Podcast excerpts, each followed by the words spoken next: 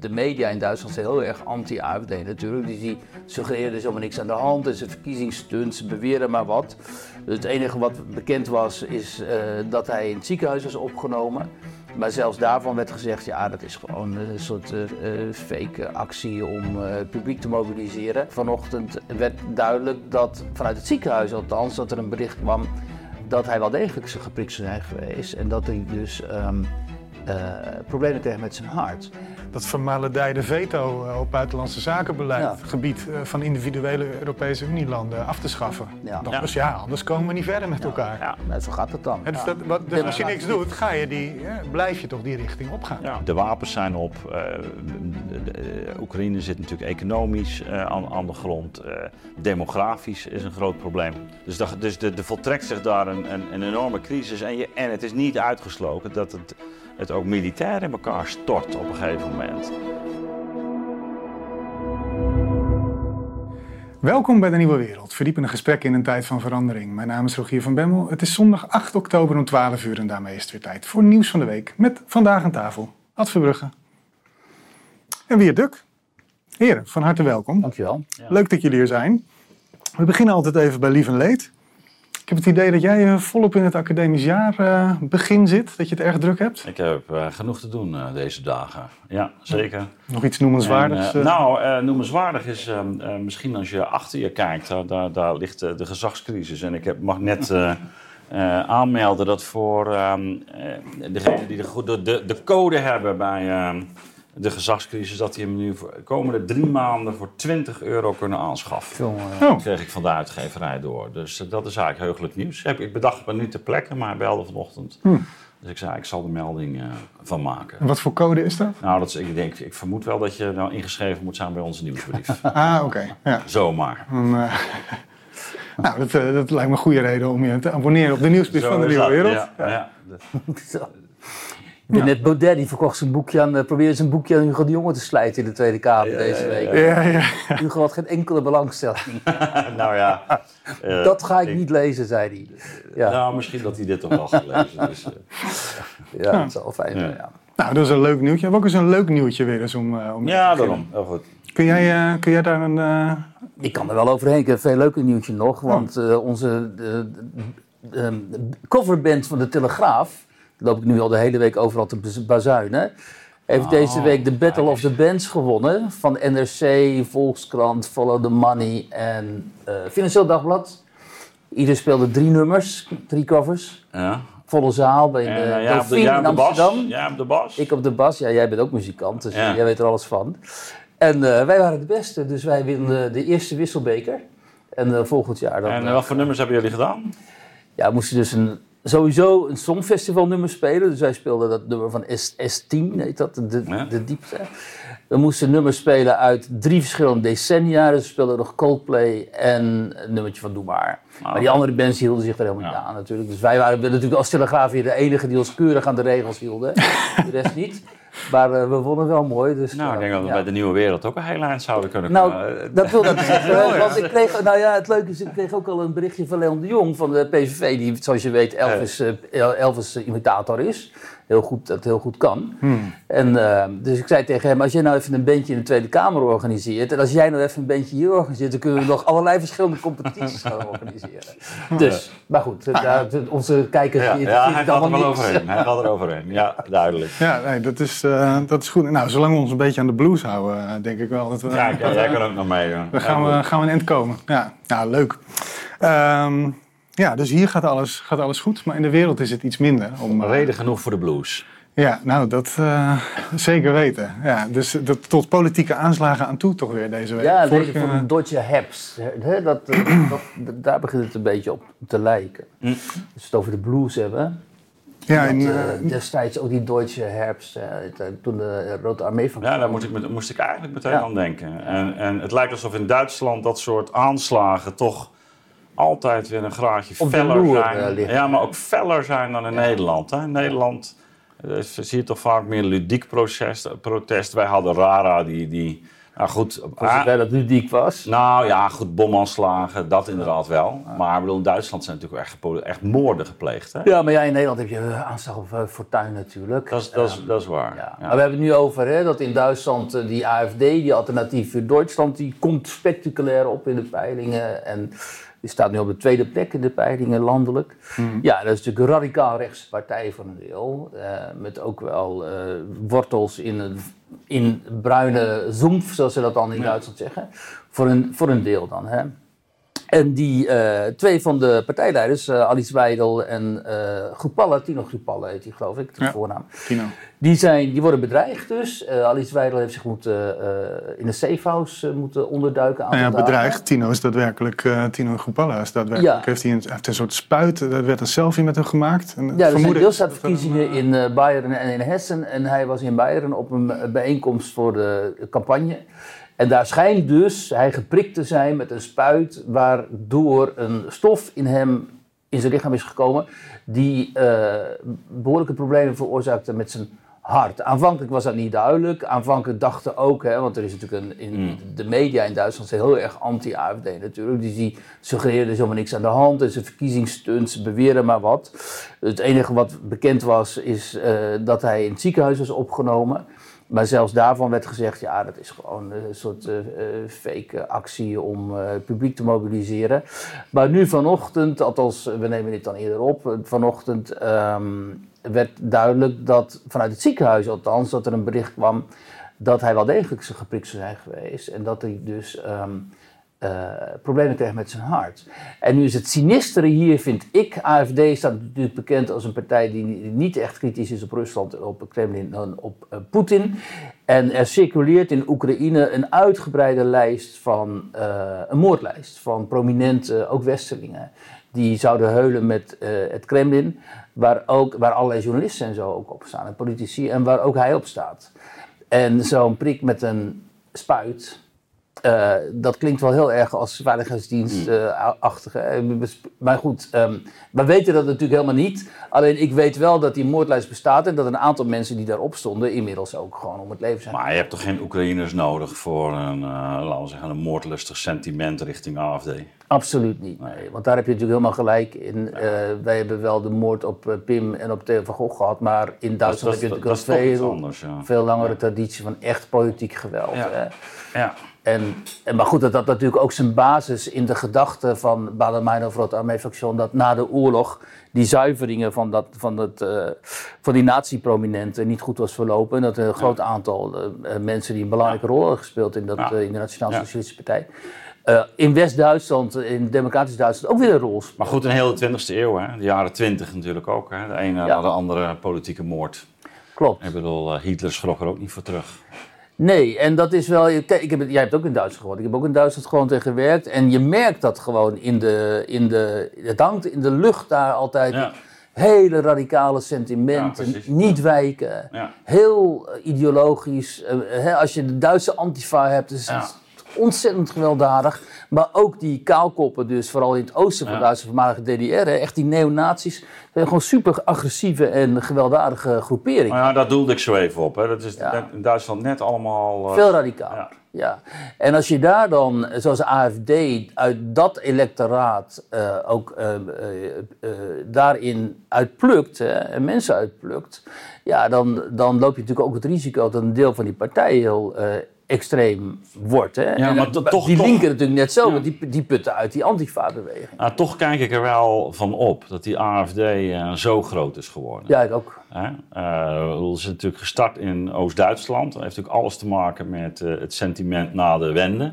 Ja, als je in Oost-Duitsland komt, dan zie je ook wel... ehm, ja, er is enorm geïnvesteerd hè? In, in gebouwen, in echt, echt het Schitterende van binnensteden. infrastructuur inmiddels, Pra- ja. Prachtige infrastructuur. Dus het is niet zo dat ze het oosten hebben verwaarloosd. Maar er woont maar- geen hond meer. nou ja, maar wat, wat ik heb begrepen, ook wel van mensen die daar eh, wonen. En ik, ik ben ook wel in Leipzig geweest de af, afgelopen jaren. En, en, en dan praat je zo met, eh, met deze en gene. Is dat het toch ook heel erg is ervaren als een... Jullie hebben het fout gedaan. Ja.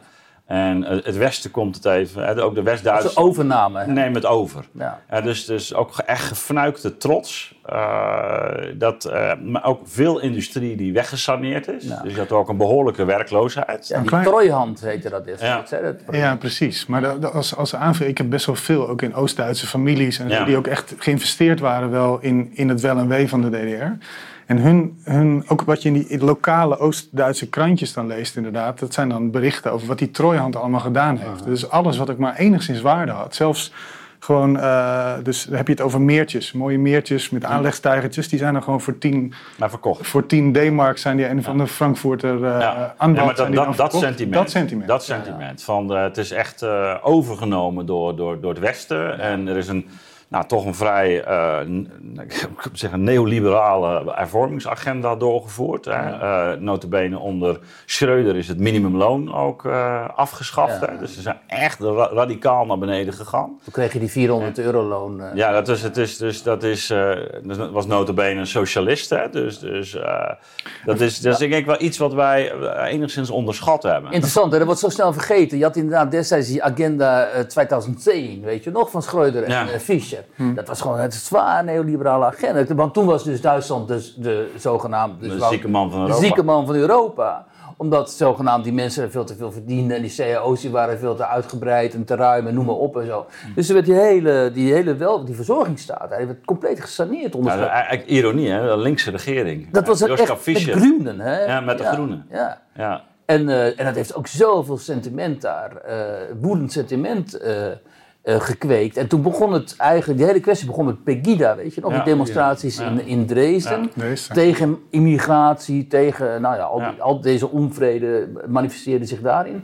En toen kwam die AFD, dat was eerst een economenpartijtje, hè, van... ehm, ik weet niet meer hoe die man heette. En die AFD werd vervolgens eigenlijk gekaapt door ehm, de meer radicaal eh rechtse eh, nationalisten. Daar komt het op neer.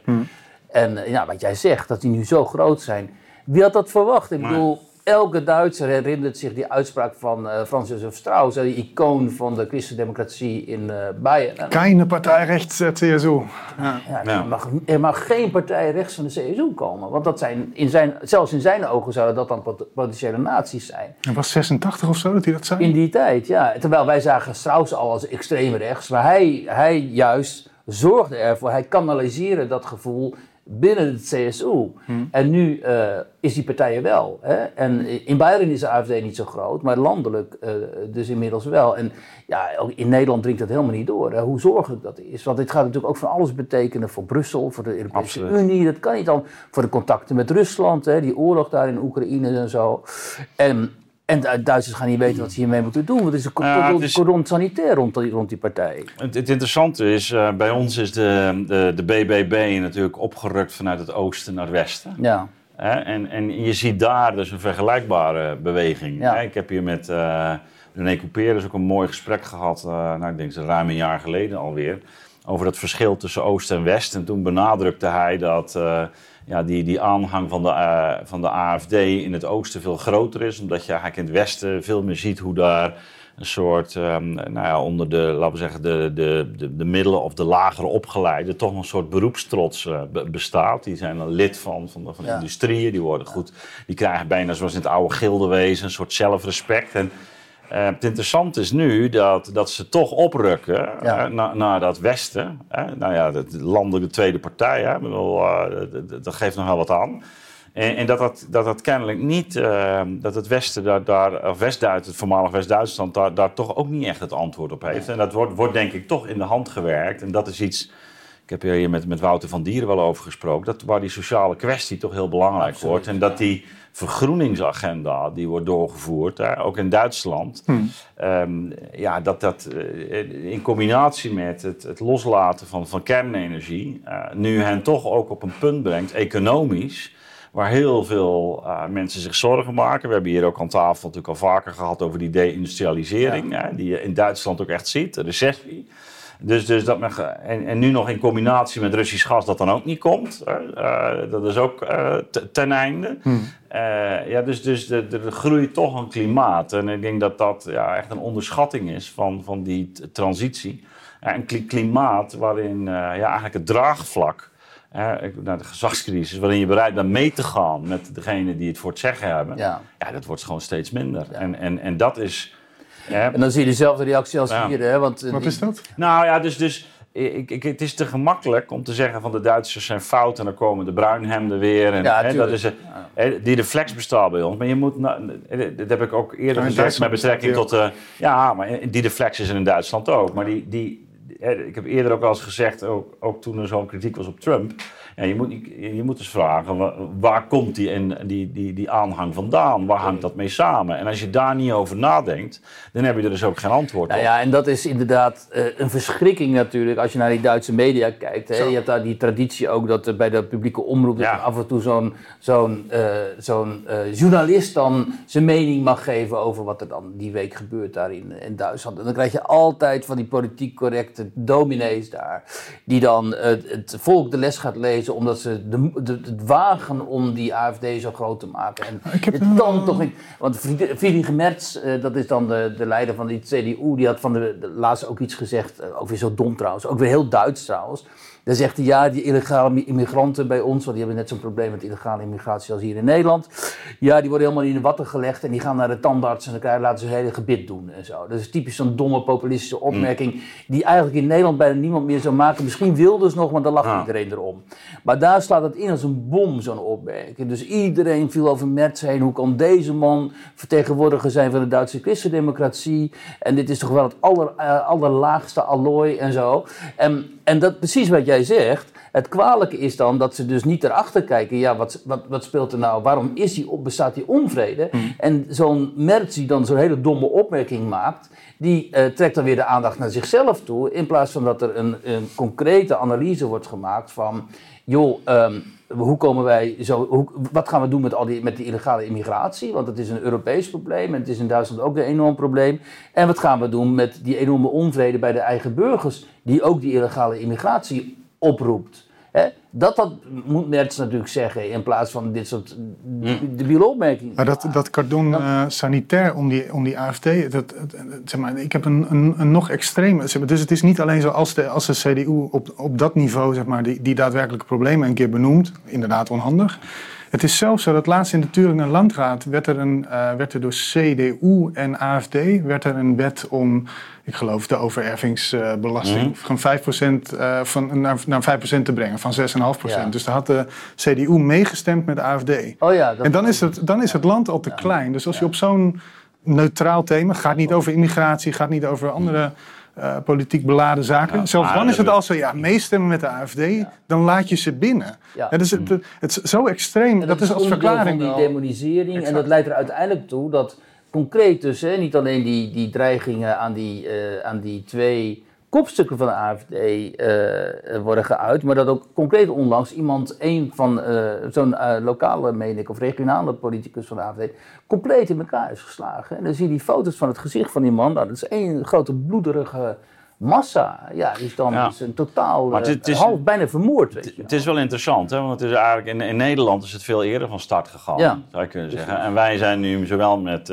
Caroline van der Plas als met Pieter Omtzigt bewegen we in een iets, Weer andere richting. Hè? Iets, al- ja, of je het midden kan noemen, maar in ieder geval eh, eh, niet, niet zozeer langs, ook naar, lang, die, lang die migratie-dimensie of die islam-dimensie. Dat, Ja. dat, Hebben we gehad, hè? dat, dat, nou, dat blijft nog wel, maar het is niet, het is niet die felheid. En, en bij de AFD is dat natuurlijk echt eh, wat wij in, eh, eigenlijk na Fortuyn en met de PVV hebben gezien. En, zo. En, maar dat, en dat, dat, dat wordt nu gecombineerd met die, met die problematiek rond eh, energie, rond werkgelegenheid, de recessie. Dus het komt bij, daar bij, elkaar samen. Dus het is veel Hè? Het is, explosiever. het is explosiever. Dus het is, er komen nu, eh, eh, ja, zoals we zeggen bij, bij golven, hè, conjuncties. Eh, We komen nu verschillende golven bij elkaar samen. Daarmee kan het ook, denk ik, hoger op, eh, opzwepen. Ja, en het is ook meer, het is echt een hoogdrukpan die Ja, ja, ja, heel het is lang dicht veel, hebben het is gehouden. veel langer dicht gehouden. En die nu echt, eh, Ja. ja. Ja, ja, dat zou wel eens in 2000, wat, wat hebben we net be- bekeken, 25, 25. hè, herfst Ja. 25. Nou ja, je houdt je hart vast.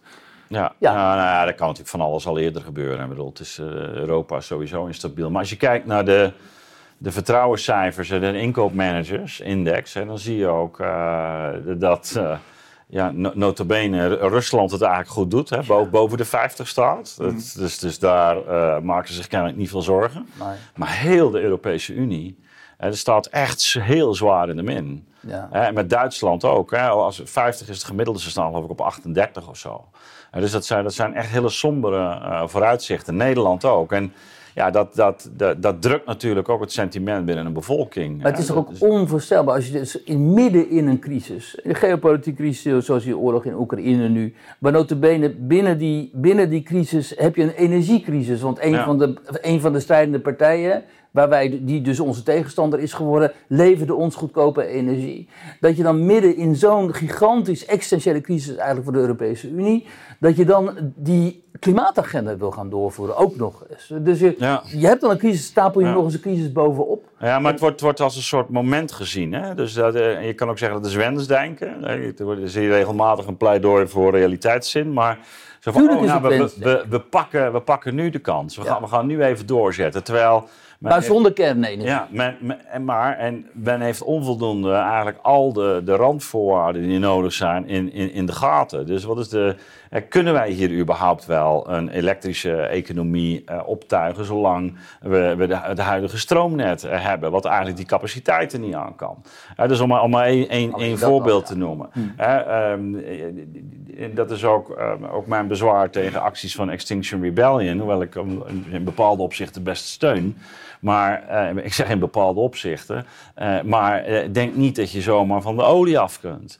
En denk je niet dat je zomaar van, de, van het gas af kunt. Hè? Wouter van Dieren heeft hier ook gezegd. Het is levensgevaarlijk om in één keer te denken: hup, alles weg. En we, en, en we gaan over naar die, naar die groene energie. Dat, dat, daar, daar, daar heb je een transitieperiode Ja. voor nodig. En, en ja, we zetten nu alles op, op, op scherp. En met het risico dat we in een soort, soort van implosie gaan meemaken. En dat Dat is ongelooflijk. Hè? Je zou het makkelijk kunnen zeggen, jongens, we nemen gewoon de tijd. Ja, We tuigen een paar kerncentrales op. We bouwen een paar wind, windparken waar het niet al te, eh, Ja. al te zeer in het zicht loopt. In ieder geval niet op de Noordzee. We maken geen industriegebied van de Noordzee, wat we nu Ja. gaan doen. En we nemen de tijd om die transitie... En dan zou iedereen zeggen, prima. Want wie is er tegen op een schone... Niemand is tegen op een schone milieu. En eventueel doe je nog iets voor het klimaat. Dus, dan, dus je had die hele bevolking had je gewoon makkelijk mee kunnen krijgen. En nu is het een soort... Ja, die klimaat- hoge drukpan, die hoge drukpan. Ja. En, en ook als, je, als we het nu niet doen, dan gaan we kapot. En, en, Terwijl het maar, onzin is. hè, eh, ja, je zult inderdaad toch ook die, die, die, die sociaal-economische vragen moeten blijven stellen. En, en ook, wat ik al zeg, gewoon infrastructureel. Van, wat ga je doen met al het koper in de grond? We, kunnen niet allemaal eh, onze auto's opladen op dit moment. Gaat niet. Nou, wat, ik, wat ik ook zo jammer vind met betrekking tot bijvoorbeeld Extinction Rebellion, is dat je. ehm, om, om dit met z'n allen op een andere manier te doen, heb je ook een ander collectief bewustzijn nodig. Dus wat je nu ziet, is dat die industrie die zo vervuilt, daar zit ook heel veel oneerlijkheid bij. Hè? Kijk naar hoe dat ook weer met Philips nu gegaan was met die apneuapparaten. Dat eigenlijk daar heel lang, ze weten wel dat het verkeerd is, maar ja, het gaat om de winst. Hè? Bij een Tata, ja, er gaan dingen mis, maar wat was het vorige week? Eh, ook weer die, eh, die PFAS-uitstotende bedrijven. Als je, en dat vind ik wel een goed punt van Extinction Rebellion, die beginnen bij de eerlijkheid. Maar dan moet je ook zelf de eerlijkheid hebben om inderdaad een verhaal te vertellen waar je ook daadwerkelijk met elkaar die transitie in kunt maken. Eh, en eigenlijk wil je, en doordat je dat niet doet, doordat je niet begint bij het bewustzijn van, oké, hoe kunnen we met elkaar de wereld een beetje anders gaan benaderen, daardoor kom je met hele radicale maatregelen, wat de EU nu ook doet, die, heel, die juist weer vanuit dat andere bewustzijn controleren, modellen Nou ja, maken, is de be- CO2-uitstoot. Dat is, absoluut, dat is de bekende polarisering. Hè? Ehm, nou, technoloog, hè? is- Ja, te- te- zoekt- te- maar vaak dus inderdaad vanuit één, eh, één dimensie of twee dimensies. En dan gewoon van daaruit eh, je, je doelen eh, proberen te, te bereiken. Terwijl het, is, het zijn natuurlijk allemaal praktische vraagstukken die, Ja. die, die complex zijn. Waar je het geheel in het oog moet houden. Je moet de arbeid, je moet de woonomstandigheden van mensen, je moet de geschiedenis. Moet je, eh, moet je verdisconteren. Het rechtvaardigheidsgevoel, je moet een verhaal hebben. En maar ja, als we dat ook met elkaar verleren in een, in een kamer eh, en eh, in, in, in de media zelf, ja, dan wordt het natuurlijk heel erg lastig om, om gezamenlijk op te trekken. En daar komt bij, en ik bedoel, dat is ook een van de thema's natuurlijk in, in, in mijn eigen boek. Wil je nou nog uitgaan van een nationale eh, solidariteit en een nationale gemeenschap of niet? Hè? Ehm, de- de- de- dat is natuurlijk ook, eigenlijk ook, al, ook al eng geworden. Hè? Dan zeggen we, horen de boeren erbij? Ja, wat betekent dat dan? Wat voor geschiedenis hebben we met ze? Wat, wat, Dus dat je een, een, ook een logica hanteert waarin je zegt van ja, ze, ze zijn gewoon lid van deze, van, van onze club. Van ja, maar heb je dus te maken, dan vraag, stel je dus deze vraag eigenlijk aan mensen die bewijsbaar, hè, zeg maar de D66-bubbel, eh, GroenLinks, die bewijsbaar eh, eigenlijk een, groot, een meer een gevoel van gemeenschap hebben met al die nieuwkomers, hè, waarvoor ze zogenaamd voor wie ze heel veel solidariteit voelen en voor wie ze nou, hè, voor wie nou hotels worden ingericht en cruiseschepen en zo, noem maar op. Dan voor de eigen boeren, want die boeren worden ja, maar dat, dat, dat, is dus het paradoxale. Of nou nee, het is niet paradoxaal, dat is denk ik het ondermijnende. Absoluut, dus die, die, die, die, die, dubbele maat die uh, gehanteerd wordt. En je zegt, nee, maar met die mensen hebben je een geschiedenis. Dus, uh, we zijn gezamenlijk zijn we een pad opgegaan. Ja. Uh, Manshold en Nooit meer honger. En we met, met onze universiteiten hebben we die landbouw geïntensiveerd. We hebben een van de meest vooruitstrevende landbouwsectoren, zo niet de van, van de wereld. Hè. Misschien dat Israël nog enigszins in de buurt komt. Maar, uh, en, maar goed, nu blijkt dat je met al die intensivering ook, ook uh, tegen milieugrenzen aanloopt. Uh, ja, dan moet je wel zeggen, nou, hier gaan we gezamenlijk eh, nog 10, 20 jaar vooruit trekken. Ja. en, en hoe kunnen we dat dan doen? Hoe, maar we gaan je niet laten vallen. en, maar die toon die is wel heel, heel ver te zoeken. Absoluut. En, en, en, en dat roept dus tegenreacties op. Heel begrijpelijk. Ja, en ondertussen dendert die trein. Hè, want we begonnen eigenlijk bij de AFD en die politieke aanslagen. Vervolgens komen we eigenlijk vanuit die technocratie, komen we eigenlijk op, op meer. Die, dus die vraag naar nationale solidariteit. Deze week was er ook nieuws op het gebied. Of ja, nieuws. Er is in Canada gesproken over de toetreding van negen nieuwe landen tot de Europese Unie.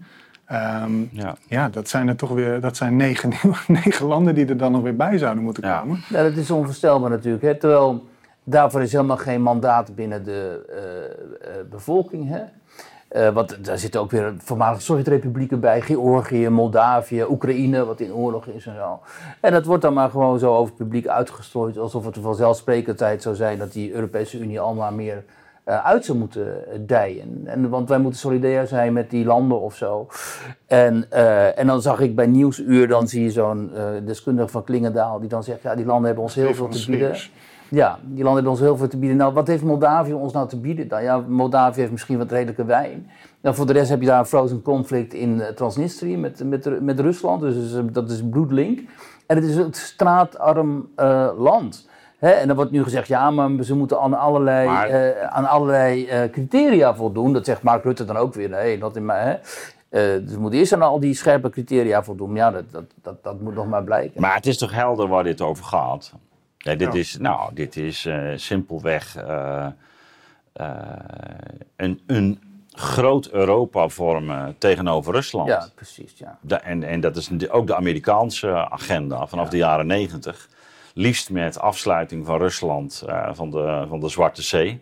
dus dat is, dat is een, eh, overigens in de 19e eeuw al ideeën. dus het isoleren van, uh, van Rusland. Hmm.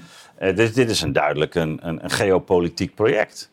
En, en dus Europa neemt dus nu ook een steeds, laten we zeggen, strategischer gedaante aan. En dat, dat is altijd allemaal angst geweest overigens. En waarbij de, de, de, grote vraag natuurlijk is, uh, ja, gegeven de, de, de dynamiek waar we op dit moment in verkeren, wat, wat is dit weer extra olie op het, op het vuur? Zijn, hebben we een plan voor een, een, een, een, veiligheidskader binnen Europa waar Rusland een onderdeel in vormt? Nee, niet meer. Nee.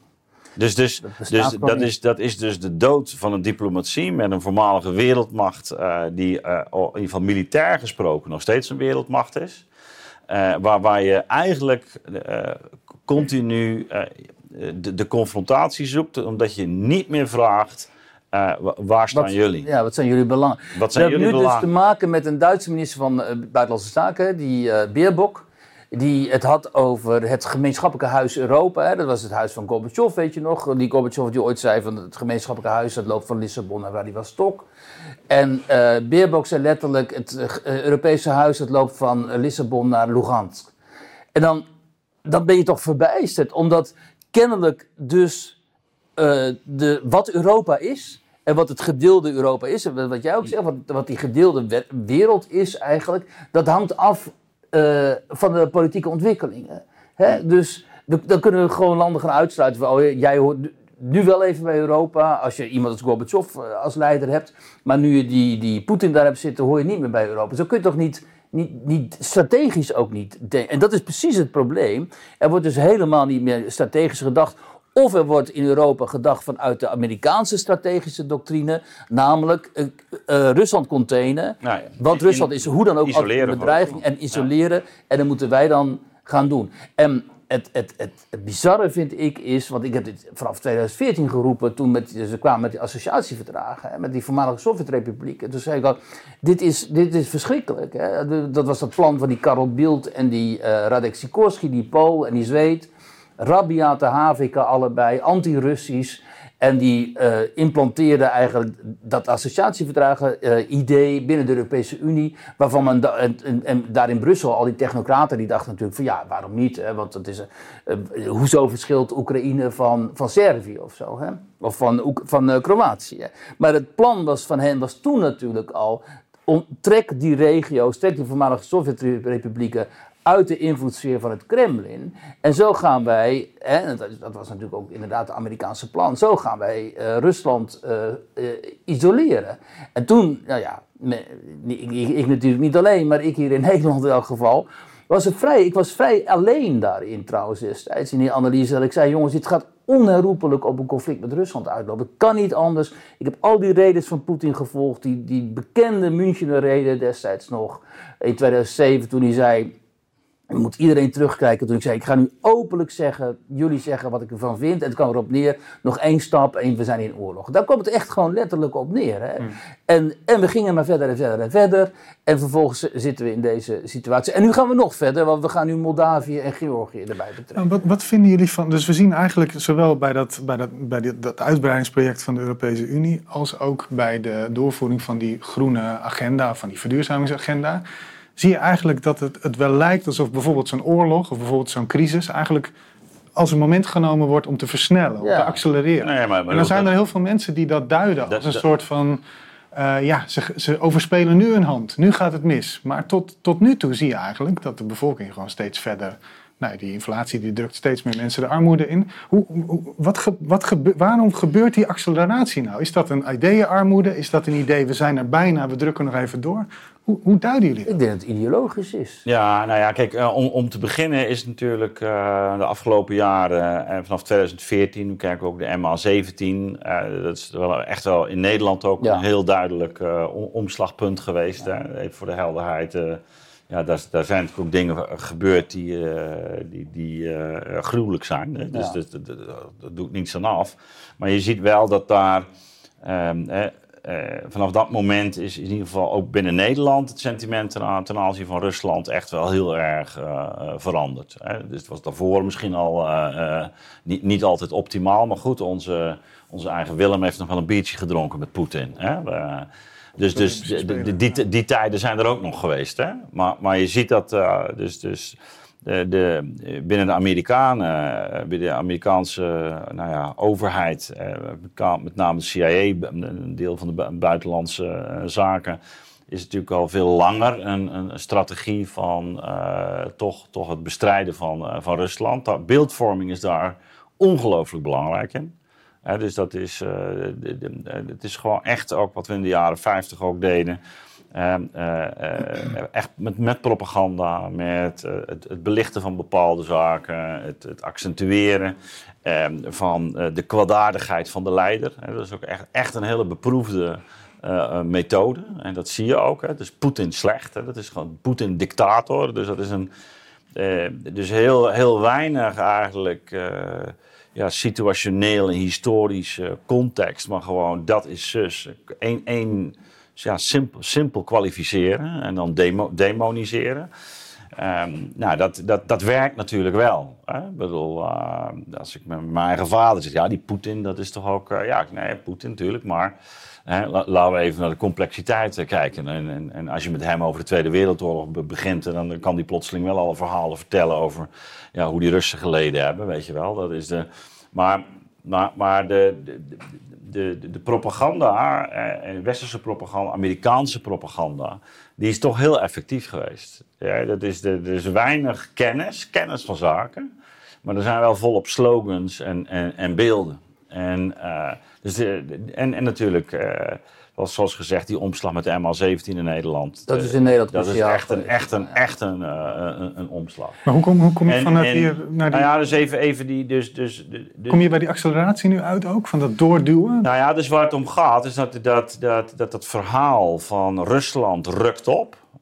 En, en uh, we zijn eigenlijk nu uh, een oorlog aan het voeren. Wij zijn een oorlog aan het voeren in, in Oekraïne. En de Oekraïners sterven voor onze waarden.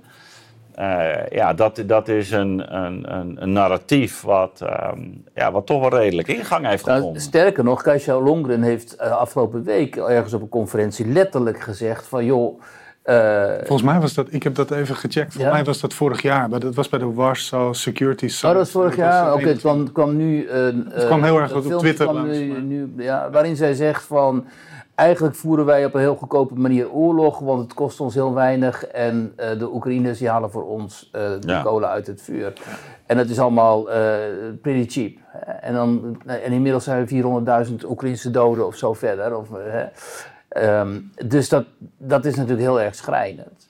Uh, maar dat is precies um, het narratief waar we, de, waar we dus in zitten. En wat wij ook. Um, kijk, wat, wat Ad eerder zei. In Europa was natuurlijk onder. Zeker onder Scheuten, maar volgens ook Merkel en ook wel in Frankrijk en zo. Een soort welwillende houding ten opzichte van Rusland en Poetin. Soms ook wel veel te welwillend. Want ja. Poetin is natuurlijk gewoon een schurk. Dat heeft hij in Tsjetsjenië wel bewezen. Maar in ieder geval uh, ook omdat uh, vooral die Duitse industrie zo afhankelijk was van die uh, Russische energie. Hmm. Dus het, en, en dat werd natuurlijk vanuit de Verenigde Staten um, enorm kritisch bekeken. Joe Biden en, en ook anderen die zeiden, ja, Nord Stream, die, die, die pijpleiding voor, voor energie naar uh, Duitsland, dat kan helemaal niet. En uh, als, er, hè, als, als Poetin een vinger naar Oekraïne uitsteekt, dan maken wij een einde aan Nord Stream. Uiteindelijk is een einde aan Nord Stream gekomen.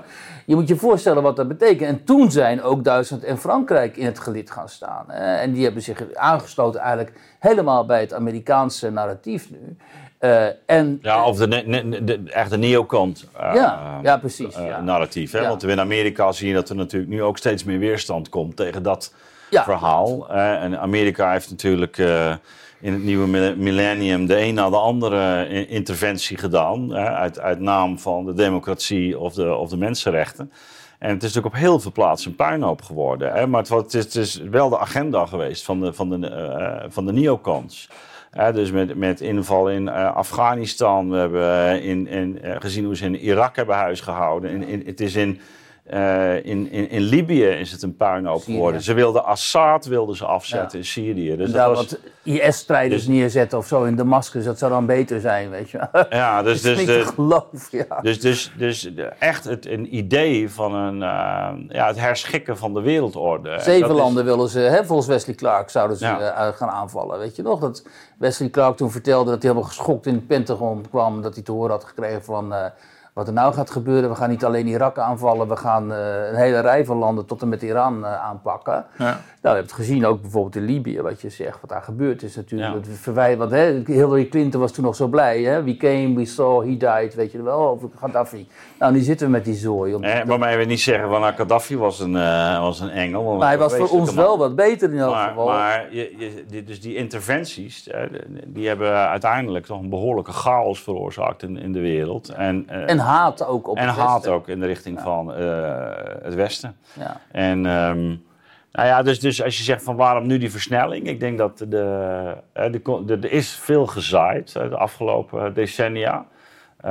Toch het, en het, we hebben het vorige week al even gehad over toch wel de, de, de anti-Russische sentimenten die natuurlijk na de Tweede Wereldoorlog eh, eigenlijk eh, ook, ook binnen de geheime diensten binnenkwamen. Eh, en, en, en dat er ook veel voormalige eh, werkzaam zijn geweest. En da- daar zijn natuurlijk ook, laten we zeggen, levensgeschiedenissen van mensen. die, die gewoon een, spoor trekken door, door dit soort instituties. Hè. Wat hebben ze zelf meegemaakt? Wat geven ze hun kinderen mee? En het gaat.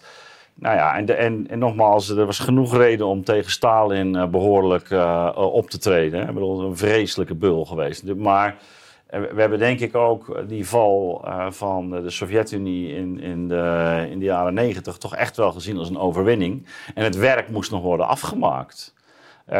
Dat, dat, idee. En, onder Yeltsin kon heel veel van de westerse mogelijkheden daar toch, ook, ook kapitaal, mhm. toch wel volop samen met Russische opportunisten en oligarchen zijn gang gaan. En, en met Poetin ja, kwam er ook weer een kink in de kabel. Hè? En, en eh, je ziet dan ook dat mensen als Victoria Newland echt ook vanaf dat moment toch ook heel actief ook bezig zijn met dat ondermijnen van, van, die, Russie, van die nieuwe Russische. Uh, nou ja, dat elan, zeg maar. Wat, ja, wij steunden ook gewoon die kleurenrevoluties hè, tot, tot in Centraal-Afrika, weet je toch? Gewoon die kleurenrevoluties voor meer democratie en zo, die werden gewoon gesteund vanuit het Westen. Die George Soros die zat er met zijn uh, democracy, de Open Democracy, hoe heet het ook alweer, gewoon geld naartoe te sluizen en zo. Dus ja, we, we steunden daar uh, in plaats van realistische politiek te voeren en te kijken, oké, wat zijn jullie belangen, wat zijn onze belangen, kunnen we daarin overeenstemmen en kunnen we vervolgens overeenstemmen dat we over bepaalde dingen dan niet overeen kunnen stemmen,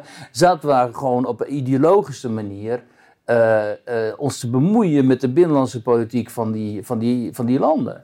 En, en ja, ik vind dat je dat dus nooit moet doen. Maar ja, het Westen is er zo van overtuigd dat wij overal de democratie moeten brengen. En dan vervolgens zie je dus waar het op uitloopt. Namelijk wat we eerder zeiden. Door al die interventies, door al die interventies waarmee wij zogenaamd die landen wilden democratiseren, hebben zo'n haat gecreëerd in grote delen van de wereld. Dat die delen van de wereld, die bevolkingen daar, uh, zich intuïtief meer voelen aangetrokken tot Rusland en China nu, tot dat blok, dan tot ons. Omdat ze denken van ja, van het Westen hebben we helemaal niks goeds te verwachten. En die Chinezen bijvoorbeeld in Afrika, die laten ons tenminste met rust, weet je wel. Die leggen, uh, die, die, die leggen uh, spoorrails aan en zo. En die kopen onze industrie. Dat is, ook, maar, dat is ook nog maar de vraag natuurlijk. Maar, maar, goed, maar, ze zeggen niet hoe we moeten leven in elk geval. Maar, vooralsnog. Hè. Maar ik denk dus die, die versnelling, hè, dus vanaf 2014 met uh, MA17 en vervolgens uh, denk ik een hele complexe situatie rond, rond de verkiezing van Trump. Ik breng dit nu in. Ik denk dat je niet moet onderschatten wat de verkiezing van Trump ook voor de relatie met Rusland heeft betekend. Er werd denk ik uh, intern um, toch vanuit uh, in Amerika toch in ieder geval de, de verdenking gewekt dat, dat, dat er een soort Russisch complot gaande zou zijn. Waarmee je eigenlijk ook, ook, ook binnenlands al, dus de spanning binnenlands, en dat heb, zie je hier in Nederland ook dat die voor een deel werd vertaald ook in... oh, wacht even, dan ben je pro-Russisch, dan ben je pro-Putin. Als, je, als je die positie in hebt, dan... Ja. dus dat is een...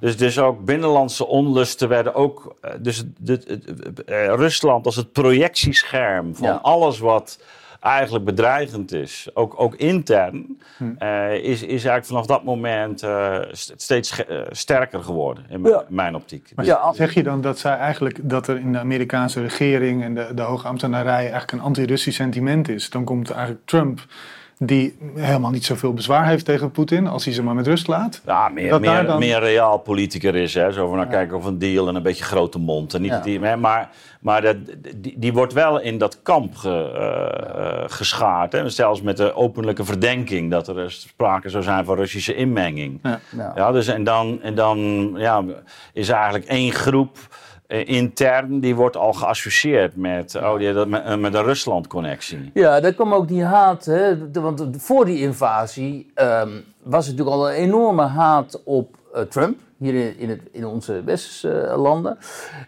en die in Nederland uitte die zich dan met name door die haat op Forum voor Democratie. Hè, want die, hoe heet die, Baudet vond Trump natuurlijk ook een, ook een held. En wat, wat Ad zegt, en dat werd vervolgens dus geprojecteerd op, uh, op uh, Poetin.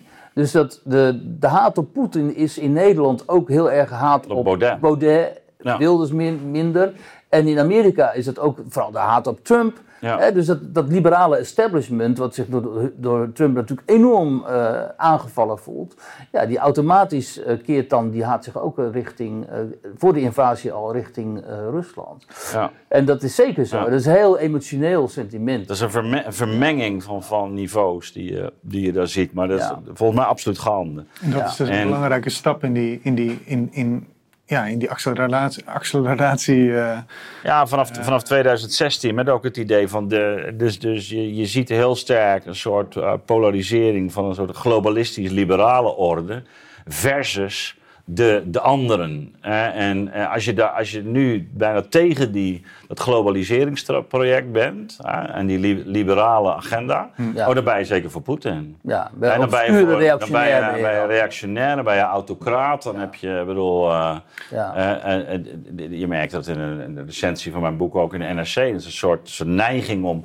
je meteen dan in die, oh, ja? die hoek te doen. Oh, gebeurde dat? Ja, ja dus, dus, dus, dus de, de, de, de neiging om, om laten we zeggen, een vormen van kritiek op, de, op die liberale orde. En ik, heb, ik, heb, ik verdedig voor een deel ook die liberale orde, maar ik zie ook wel de problemen daarin. En met name in de postliberale uh, manifestatie, neoliberaal, of wat ik dan eigenlijk, eigenlijk, nu als dat systeem uh, kwalificeer. Maar als je dus die. die globaliseringsagenda, hè, die, die daarbij hoort, als, je, als je die problematiseert, ja, dan, dan loop je inderdaad meteen kans om uh, in, in dat andere kamp uh, geduwd te worden. Ja, terwijl het vrije individu in die orde zoals die nu gepropageerd wordt eigenlijk verdwijnt. Natuurlijk. Jij hebt het vrije individu te redden, bijvoorbeeld door stabiele instituties, goed onderwijs, om het, om het heel kort neer te zetten.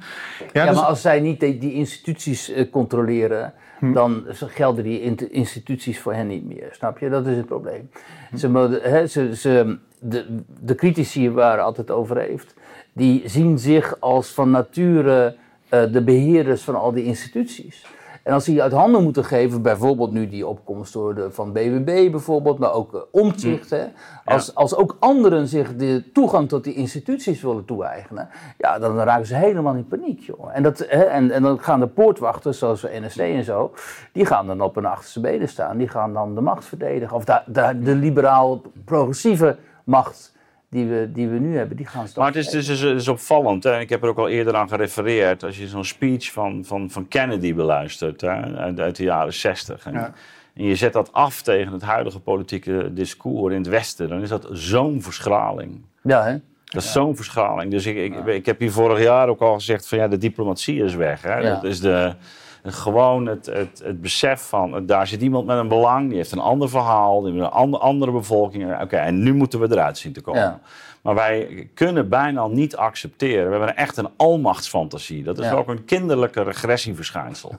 Ja, dat is een. Ja, dat net zeggen, Kennedy was een volwassene, die kon ze. Ja, maar dat, dat, dat kun je. Dus je, je moet gewoon beginnen met: oké, daar zijn mijn grenzen. Daar zijn, en die anderen willen ook wat. Weet je wel. Maar dat is wel een van de grote vragen van deze tijd. Die stel ik me ook vaak. Is, hoe is dit nou zo gekomen? En is het dan een generatieding? Ja, dat is het dus ook. ja? dus de generatie van de ja. Paternottes en de Sjoerdsma's en zo, denken die dan op zo'n kinderlijke manier over de wereld? Want dit is precies, ook oh, kijk, Poetin zei van de week, het Westen is helemaal de weg kwijt. Kijk, je kunt van alles van Poetin vinden en zo, maar hij is wel slim.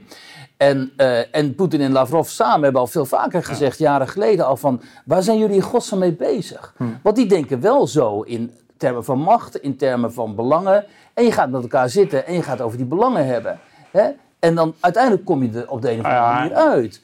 En, en dat wij dit principe helemaal verloren zijn. Hoe, wat denk jij, Ad? Hoe dan? Hoe, hoe is een nieuwe generatie dan zo nou, totalitair geworden? Ja, dus, dus, ik, eh, dus het, het heeft wel te maken, denk ik, met uh, toch, toch de, de tijdgeest. Hè? Dus daarmee inderdaad generationele uh, opeenvolging. Dat, dat iemand als Lubbers zou, denk ik, niet op deze manier geacteerd hebben.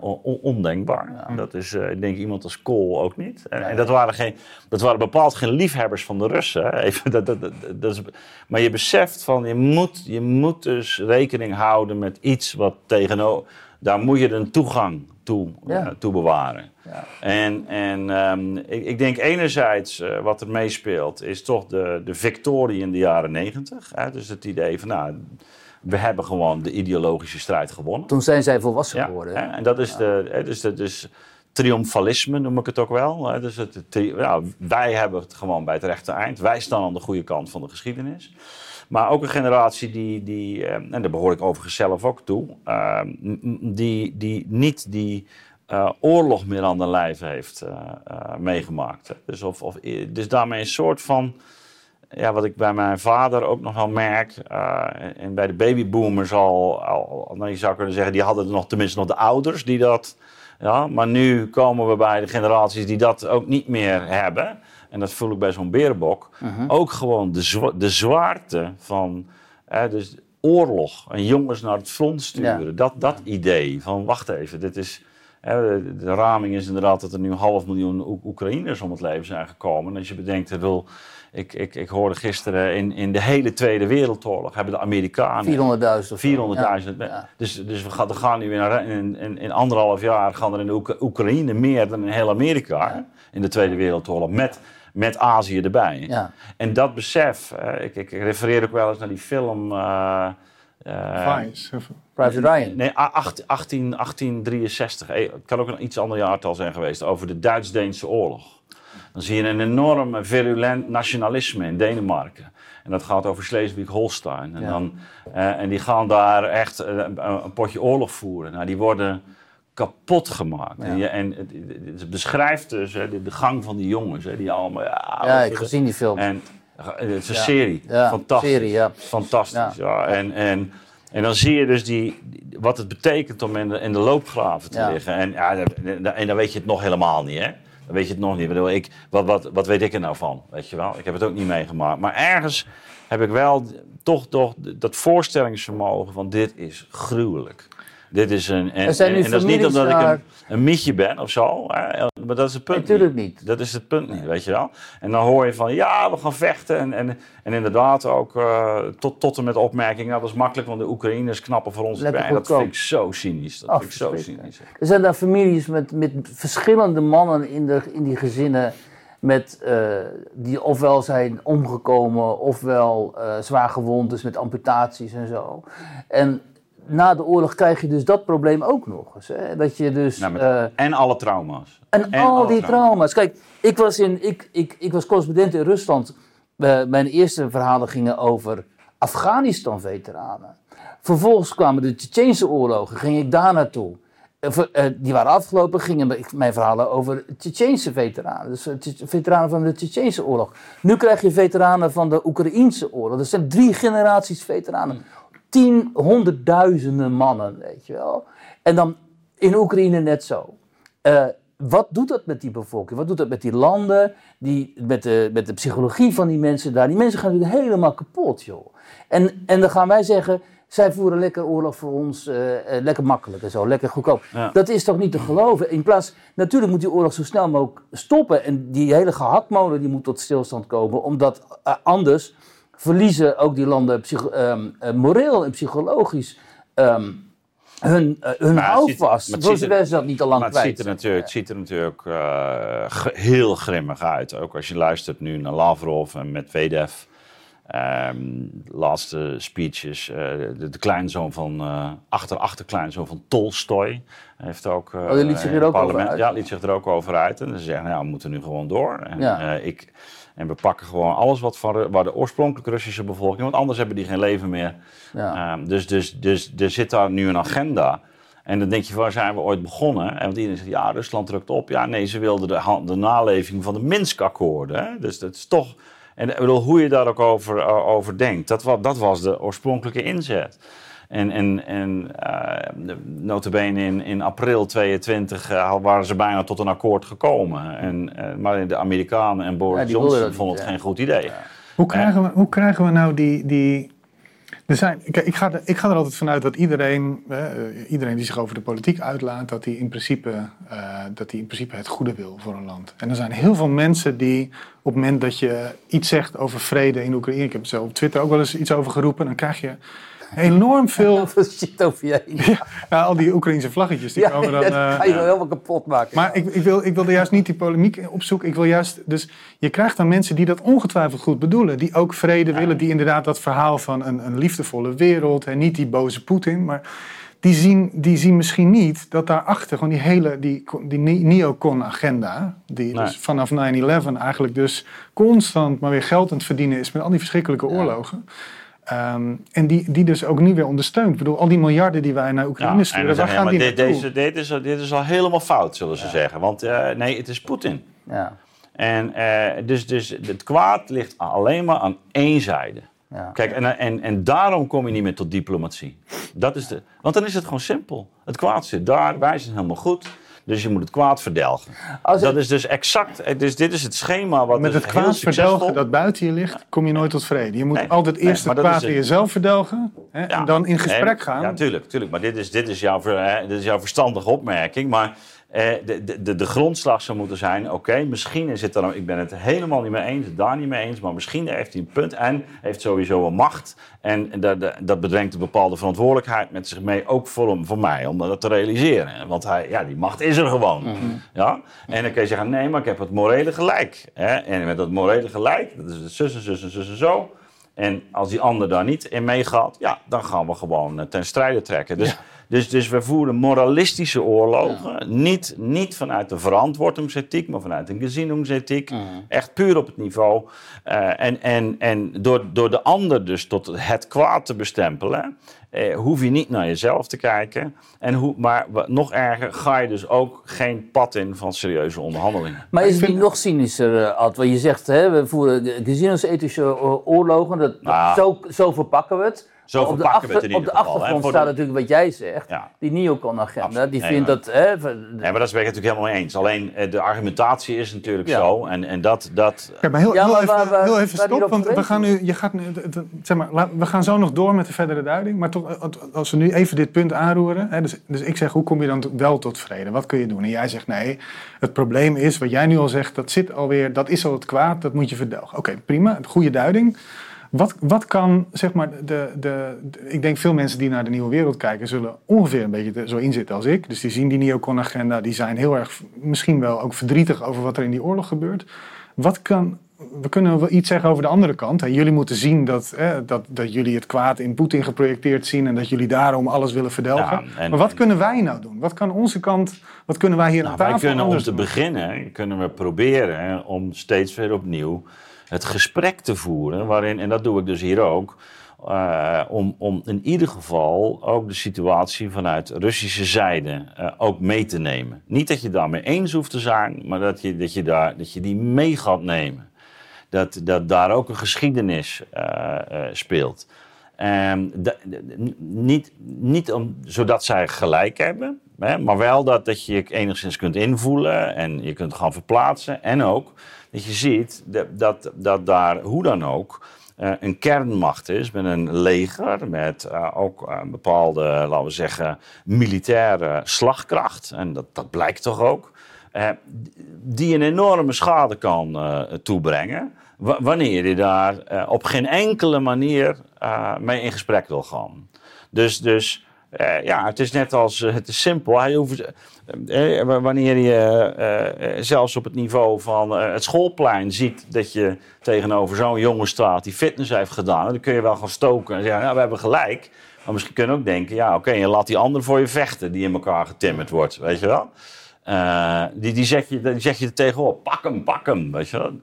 Nee, wacht even. Wacht, eh, de- de- is- Je pakt deze stok, hier, pak een stok. ja, en waarom? nee, dus, dus, dus, dus je moet daar een, een situatie heb je. Het kan ook zijn dat er mensen verblind raken. Hè? Dat, dat de oorlogsgod Mars, eh, dat hij zo huishoudt, dat mensen het gewoon niet meer goed zien. Ja, dus moet je inderdaad in, in dat gesprek wat je dan wilt voeren, en waarvan je hoopt dat dat breed ook eh, gezien wordt en gehoord wordt, moet je ook blijven wijzen op de ongerijmdheden bij die mensen die dus voorstander zijn van, van, door, hè, van dit conflict. Bijvoorbeeld door te zeggen, luister eens, die, die, die president die toen werd verdreven van de, door de Maidan, die Janukovic, die was legaal gekozen. Ja, democratisch gekozen. Ja, die was, dat was een hele nare vent, en pro-Poetin enzovoort. Maar hij was democratisch gekozen. En toen ontstond die opstand op de Maidan, hè, die demonstraties tegen hem. En toen liep die Vicky Newland, die, die, die liep Ja. daar rond uit te delen. Kun je zeggen, kijk eens mensen, wat doet een onderminister van eh, Buitenlandse Zaken van de Verenigde Staten op het Maidanplein, waar betoogd wordt tegen een legaal gekozen president? Wat doet die vrouw daar? Wat deed Van Balen daar? Wat deed die Verhofstadt daar? Waarom waren ze daar zo aan het hitsen? Waarom, waarom vinden jullie dat legitiem? Als het hier zou gebeuren, of in Parijs of in Berlijn, en de Russen zouden het zelf doen, zou je dat dan normaal vinden? Nee, dat zouden we niet vinden. Dus je moet telkens die mensen weer proberen de ogen te openen. Alleen, eh, ze zijn vaak zo, zo die cognitieve dissonantie van die mensen is vaak zo groot dat als je dit vertelt, dan of, ofwel het dringt niet door, of ze willen het niet horen. de sterkste versie van het verhaal van die andere kant. Hè, dus de, de sterkste versie is denk ik gewoon: je hebt een, Oekraïne, een, een, een Oekraïne tegen je over je, die is gevlucht uit Oekraïne. En die zegt: ja, we, willen gewoon ons land behouden. We willen niet, we, we willen niet bij de. Hè, we, Tuurlijk, we willen niet bij de. mogelijkheden om je land te behouden, zeg je dan. Hm? En één daarvan is toegeven dat dit zo niet voort kan duren. En dat jullie in ieder geval bijvoorbeeld de Krim moeten afstaan. Want dat was sowieso eeuwenlang Russisch. En eigenlijk had de mm. Oekraïne daar helemaal niks over te, te zeggen. En dat is een cadeautje geweest van Khrushchev in 1953, meen ik. Mm. Nou ja, zoiets, ja. 56. Toen heeft hij dat aan, aan, aan Oekraïne cadeau gegeven. En dus je moet gaan onderhandelen, hoe, hoe dan ook. Of ja, of je moet dan maar tot de laatste Oekraïense man en eventueel de laatste Russische man gaan doorvechten. Betaald door ons en met onze, uh, onze wapens. En uiteindelijk eindigt een oorlog altijd. Ik bedoel, die kan 80 jaar doorgaan. Mm. Uiteindelijk eindigt die. En dan moet er gesproken worden. Hè? En we doen nu net alsof um, de enige optie is dat wij Rusland verslaan en dat Poetin zou verdwijnen. Nou, heeft het hier ook al eerder over gehad natuurlijk. En wat dan? Wat is dan het post-Poetin-tijdperk? Hoe ziet dat eruit? Alsof er opeens allemaal democraten klaarstaan in Rusland die dan de macht zouden... Er zijn helemaal geen democraten in Rusland. Ik zeg er is niet één democraat in die hele Russische uh, elite die op democratisch op een manier waarvan wij zouden vinden, oké, dit is een democraat, weet je. Die, die, zijn, die zijn er niet te vinden. Dus wat, wat wil je dan? Hè? De, en dan, dan zeggen die mensen natuurlijk geen antwoord. Die hebben alleen maar een moreel idee, we moeten Poetin verslaan. Maar als je concreet vraagt, oké, en wat is dat dan? Ja, wat dan? En, en, en het kwalijke is natuurlijk dat mensen als Rutte dat ook zeggen. We moeten deze oorlog winnen. We moeten deze oorlog winnen. En dan vraagt niemand eh, van die verslaggevers van, leg eens uit dan. Hoe, zit, hoe ziet winst, winst, hoe ziet dat er dan uit? Maar, maar, maar bedoel, en, en dacht je nou werkelijk hè, dus dat, dat, dat Rusland van plan was om, om um, naar heel Europa op te rukken? Ook wa, wa, waaruit blijkt u dat überhaupt? Het dus, blijkt uit het feit dat alle Europese leiders dat, uh, dat toch wel zeggen. Ja, precies. Terwijl de ironie is, we zeggen dat terwijl het NAVO naar het oosten is opgerukt. Ja, precies. Ja, nee, dat, dus dat, het, is, het is zoiets paradoxaals. En en, en zeggen allemaal, oh, Rusland heeft zo'n slecht leger. dat is, maar met dat slechte leger zou, zou die wel heel Europa gaan uh, veroveren. Ja, ook dus, dus, dus de ene keer zeggen we dit, de andere keer dat. En nogmaals, het gaat er niet om Poetin heilig te verklaren, maar het gaat om met een zekere realiteitszin te zeggen, oké, en, en, en, en, wat nu? En, en dat punt komt steeds dichterbij. Um, want uh, het is duidelijk, als je ook uh, de London Times leest, uh, deze week ook weer een verslag van het front. En je merkt ook in de Engelse pers en de Engelsen zijn natuurlijk gewoon grote imperialisten. Hè? Dus die hebben nog steeds moeite dat ze uh, uh, die empire verloren hebben. Ja, maar, uh, die Boris Johnson zo stond te ja, schreeuwen. Hè? Die, die, die, die, ehm, die beginnen nu toch ook, eh, ook in de, in, de, in, de, in de publieke ruimte... beginnen die echt een andere toon aan te slaan. En, en de wapens zijn op. Oekraïne zit natuurlijk economisch aan, aan de grond. demografisch is een groot probleem. Ehm, ze hadden al een, een, eigenlijk een, toch een kleine jeugd. Hè? Als je kijkt naar de bevolkingspyramide, nou ja, uh, kun je nou wat er op dit moment gebeurt, wie er het land ontvluchten. Dus, dat, dus er voltrekt zich daar een, een, enorme crisis. En, je, en het is niet uitgesloten dat het, het ook militair in elkaar stort op een gegeven moment. Hè? En dat is. Weet je wat de fout is? Dat in de politiek. Kijk, het is natuurlijk volstrekt legitiem om te zeggen dit is moreel verwerpelijk. Het is een verderfelijk wat uh, Poetin daar gedaan heeft, die invasie, dat dit allemaal geriskeerd is en zo. Eh, maar dat moet je, in, in de geschiedenis lieten we dit soort geluiden altijd aan de vredesbeweging. Of hè, de linksere partijen of aan de kerken en zo. En vervolgens ging dan de politieke machtselite. En ja, nu aan tafel. Nu aan tafel. Maar nu gedraagt de politieke elite zich, en niet alleen in Nederland, maar ook in Duitsland en elders zich alsof ze het IKV zijn. Nou ja, en, en ik denk dat, eh, eh, dus dat is denk ik ook, eh, misschien nog een punt in antwoord op jouw vraag van waarom nu. Dat we toch heel erg sterk hebben gezien dat met die Amerikaanse overmacht in de jaren negentig hebben we steeds oorlogjes kunnen voeren tegen landen die ja, veel minder sterk waren. Dus het idee was, oké, die pak je aan, nog een paar economische sancties erbij en je krijgt ze op de knieën. Dat het vervolgens interne ravage wordt. Uh, daar hebben we het dan even gemakshalve niet over, maar we winnen het gewoon. En we verdrijven de tiran. Nou, nu hebben we nou, Rusland, ja, toch ook niet, eigenlijk niet zo'n groot land. Eh, Dan gaan we hetzelfde kunstje doen. Hup, je gooit ze uit SWIFT.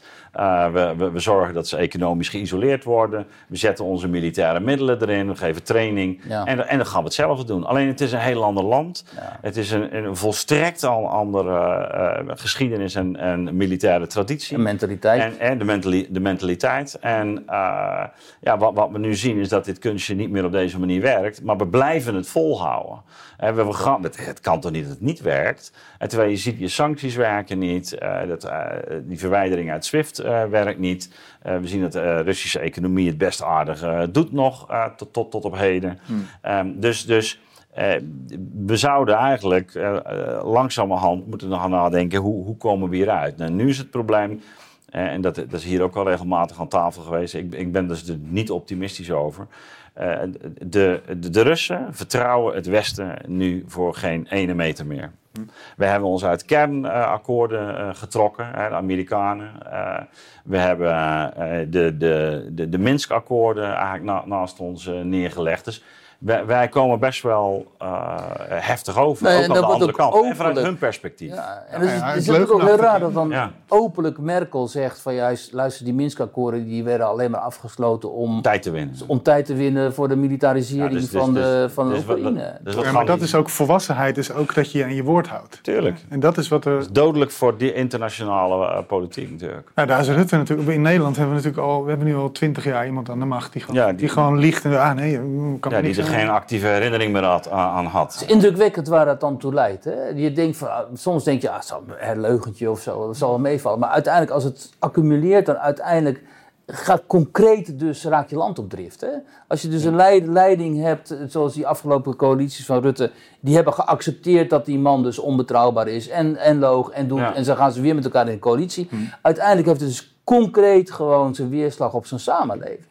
Ja. dat zo'n samenleving niet alleen de politiek gaat wantrouwen, maar ook het onderlinge wantrouwen en zo neemt toe. Dus echt, uh... ja, laten we daar ook naartoe, want we, we zijn eigenlijk we, zijn best wel Ik moet één ding zeggen, uh... één disclaimer, want schrijven daar gedoe mee. Ik zei van nu gedraagt die politieke elite zich als IKV, maar het IKV wil natuurlijk vrede. Maar ik bedoel ermee, nu, is er, de, nu wordt er ja, morele politiek.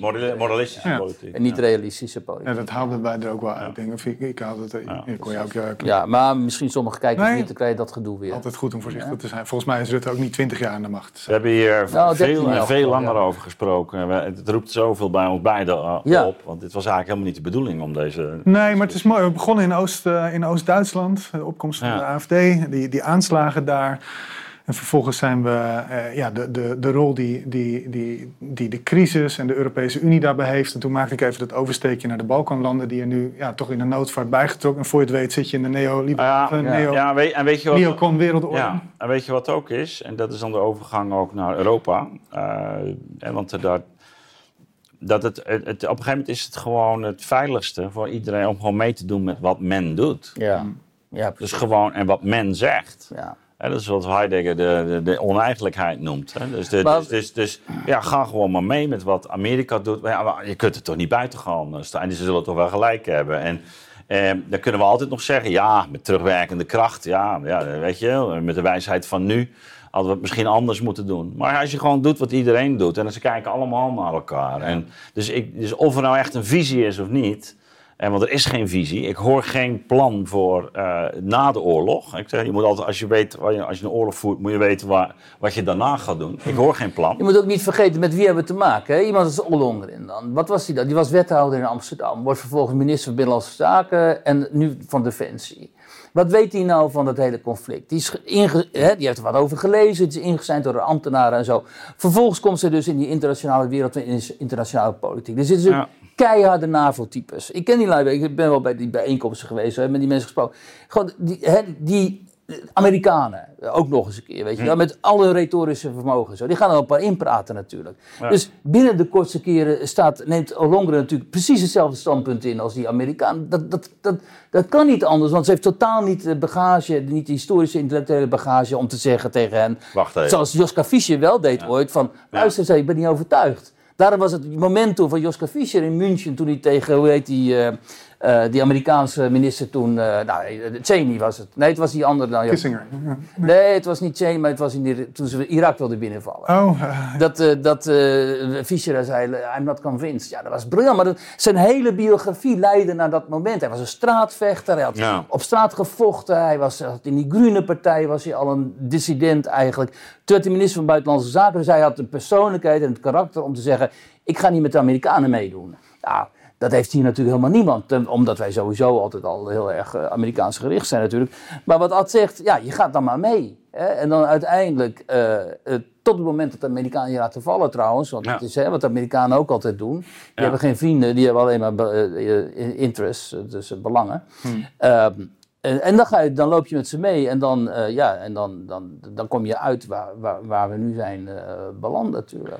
Nou ja, ik hoorde jou van de week eh, een, een, een, dergelijke uitspraak. Op Twitter zag ik jou. is het niet tijd voor een nexit als we dit zo zien met Europa? Nou ja, zo langzamerhand begin ik, en dat is natuurlijk heel dramatisch, maar zo langzamerhand zie ik bijna geen andere uitweg meer dan een, dan een nexit met deze Europese Unie waar we nu in zitten. Ja. En eh, ja, dat, dat, dat is natuurlijk een heel, bijna onmogelijk standpunt. Maar ja, anders eh, Ja, ga maar is- door en draaf maar Nee, ja, door ik, ik, ja ik, ik, ik, ik, ik begrijp dat je dit laat ontvallen tegelijkertijd. Ja, dus, eh, als, we het, als we het hebben over big tech, als we het hebben over eh, vraagstukken rond eh, milieu, infrastructuur, eh, handel. eh, je, je moet op een hoger aggregatieniveau uiteindelijk mee kunnen doen. Ja. Alleen, ehm, ja, we zien ook, hè, dat is het, het systeem, de, de- inmiddels, dat natuurlijk als je meedoet, dat het ook eh, wel verdergaand ook je, je, je soevereiniteit natuurlijk ondermijnt. Dus, dus, dus dat is een van die kenmerken van die porositeit, zoals ik het dan eh, eh, pleeg te noemen. Ja, ja, het boek En- gaat hierover Ja, bijna, nee, het ja. boek gaat hierover, ja. Dus, dus, dus ik, ik herken absoluut dit di- dilemma. Hè. En het, het tot en met ja, zo'n zo'n berichtje van de week... eh, dat ehm, eh, bij het Museumplein eh, de schaatsbaan dit jaar niet, Kan niet doorgaan. kan niet doorgaan... omdat die niet volgens de Europese aanbestedingsregels was verlopen. Hè, en dan zie je dus hoe die, mm, toch die neoliberale marktideologie binnen Europa natuurlijk keihard is doorgevoerd. En alle overheden, dus, en met name ook de Nederlandse, eh, zich netjes aan die, eh, vooral de Nederlandse, net- netjes aan die eh, procedures houden. En maar betekent ook dat een enorme rompslomp en een vertraging en, en ook geen grip meer hebben Ja. op, op eh, want ja, nu heb je geen schaatsbaan in het, eh, Ja. eh, dus, dus Wat gebeurt er Dus- aan de stopera? Dus daar zit dan iemand die zegt: nee, nee jongens, dit is niet Europees aanbesteed. Nou, gaan we niet doen. Geen vergunning. ja, dus, dus, dus, Dus dus, dus, schaatsbaan wat ik dus die machtsleegte noemt. Hè? Dus, eh, dus gewoon geen grip meer hebben op domeinen. Omdat het, ja, je hebt het eh, en, en voor een, aan Europa, aan de markt uitbesteed. De overheid ja, we kunnen alleen misschien nog het proces coördineren. Maar het gaat er natuurlijk om. Van wat wil je nou uiteindelijk door Europa laten doen en wat niet? En, en dat is echt een discussie die voeren we al decennia lang. Ik bedoel, ik heb in 2004 in, in mijn tijd van onbehagen daar al over geklaagd. Weet je wel, die, die, die enorme uniformeringsdrang die gewoon van dat apparaat uit zal gaan, is nog erger dan in de Verenigde Staten. Stukken erger dan in de Verenigde Staten. Als je, en het is, ook goed om je dat te realiseren. Het, Ja. de, de, de staten eh, op, op een aantal dossiers veel meer eh, vrijheid hebben. in Dan Amerika onze nationale dan- staat, Dan onze nationale staat. Hè? Dus dat is het, omdat wij het op een bepaalde manier hebben opgetuigd. En, eh, en, en, en ik heb daar altijd bezwaar eh, tegen gehad. En ik denk, eh, ja, als we nu nog gaan groeien. en, en dat wordt allemaal onder één regelsysteem gebracht. Terwijl die landen zo verschillend zijn. Hè? En, en dat hebben we wel in Nederland bijvoorbeeld met de milieuwetgeving. Wij zijn een klein, dichtbevolkt landje. Waarom?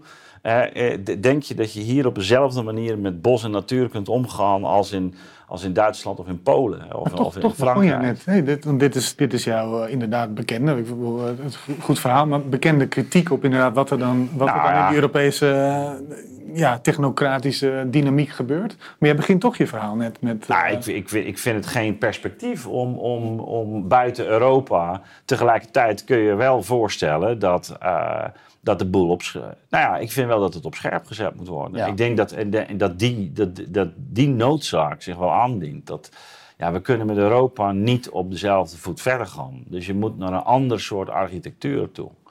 En, en bedoel, dat zie je zelfs bij ons, zegt dat thema. Hè? Dat hij zegt, ja, is dit nog wel democratisch? Ja, ik bedoel, we zien uh, grote lobby's, we zien ook natuurlijk uh, hoe wetgeving uh, ja, hier wordt doorgedrukt, waar wij eigenlijk geen, geen democratische besluitvorming meer over kunnen, kunnen hebben.